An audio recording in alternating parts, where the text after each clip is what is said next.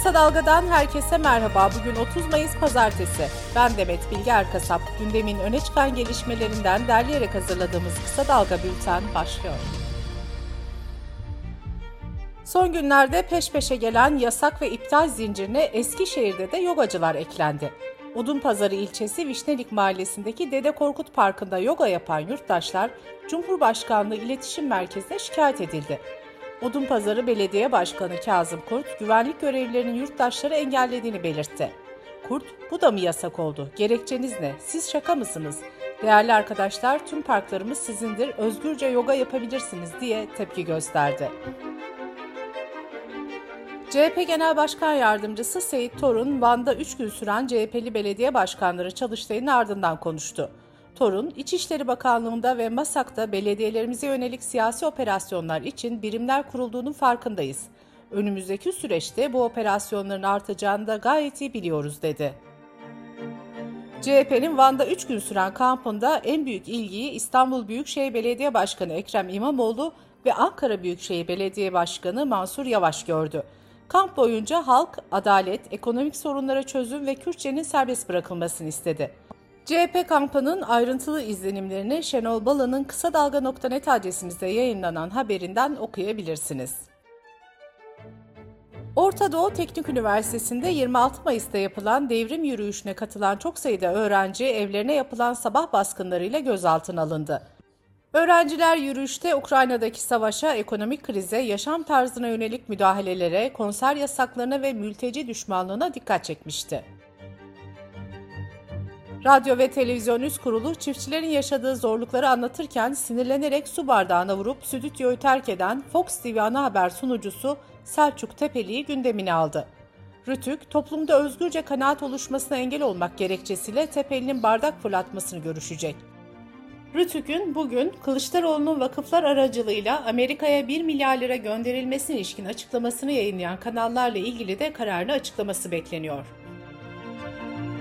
Samsun Barosu'na kayıtlı avukat Hüseyin Cimşit, Sadat'ın kurucusu Adnan Tanrıverdi ile bu vatanı sandıkta teslim etmeyiz diye paylaşımda bulunan Sadat Yönetim Kurulu üyesi Ersan Ergür hakkında suç duyurusunda bulundu.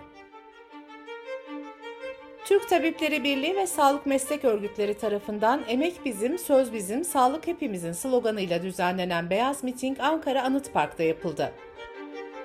Hükümetten ücretlerinde iyileştirme yapılması, güvenliklerinin sağlanması, koruyucu sağlık hizmetlerinin iyileştirilmesi gibi 10 acil talepte bulunan sağlık emekçileri taleplerinin bir an önce hayata geçirilmesini istedi.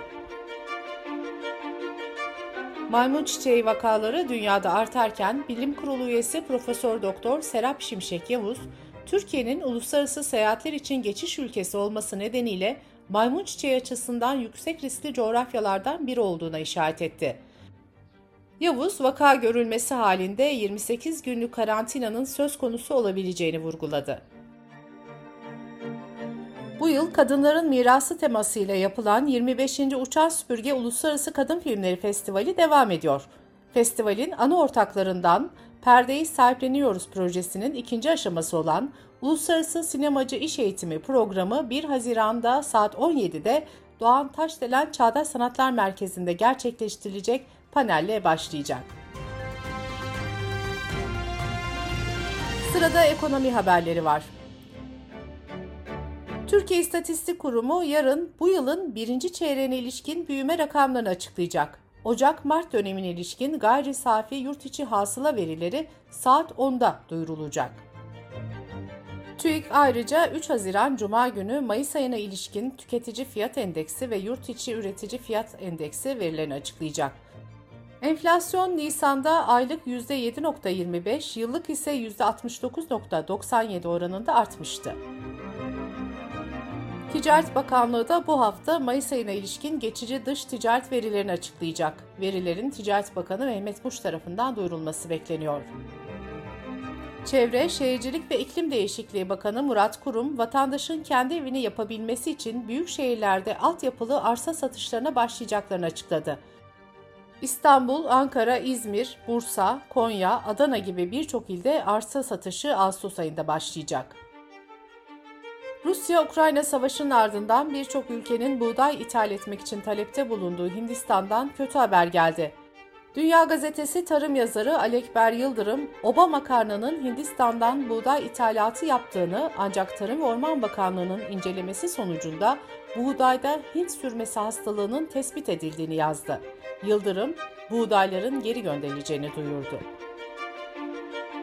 Ticaret Bakanlığı bünyesinde kurulan Alo 175 çağrı merkezine geçen yıl 476.650, bu yılın ilk 5 ayında ise 121.684 çağrı geldi. İhbar ve şikayetlerin çoğu ayıplı mal ve hizmetler ile haksız fiyat artışları üzerine oldu. Tüketicinin Korunması ve Piyasa Gözetimi Genel Müdürü Avni Dilber, haksız fiyat artışı ile ilgili şikayetlerde detaylı inceleme yapıldıktan sonra işletmelere idari para cezası uygulandığını söyledi. Dış politika ve dünyadan gelişmelerle kısa dalga bültene devam ediyoruz. Cumhurbaşkanı Recep Tayyip Erdoğan Azerbaycan dönüşünde uçakta gazetecilere konuştu. Erdoğan, İsveç ve Finlandiya'nın NATO üyeliği hakkında teröre destek veren ülkelerin kesinlikle NATO'ya girmesine evet diyemeyiz dedi. Erdoğan, olası bir sınır ötesi harekat içinde bir gece ansızın onların da tepelerine ineriz ifadelerini kullandı. Ukrayna'ya 24 Şubat'ta başlattığı saldırıları Doğu ve liman bölgelerinde yoğunlaştıran Rusya, Batı ülkelerinden küresel gıda krizinin önlenmesi için yaptırımları kaldırmalarını istedi. Nijerya'nın Rivers eyaletinde bir kilisede yoksullara yardım için düzenlenen organizasyonda izdiham çıktı. En az 31 kişi hayatını kaybetti. Fransa'nın başkenti Paris'te önceki gece Liverpool ile Real Madrid arasında oynanan Şampiyonlar Ligi finaline maç öncesi yaşananlar damga vurdu. Binlerce Liverpool taraftarının sahte bilet nedeniyle stada girememesi ve Fransız emniyetinin biber gazı sıkması sonrası maç güvenlik gerekçesiyle 36 dakika geç başladı. Liverpool kulübünden UEFA'ya soruşturma çağrısı geldi.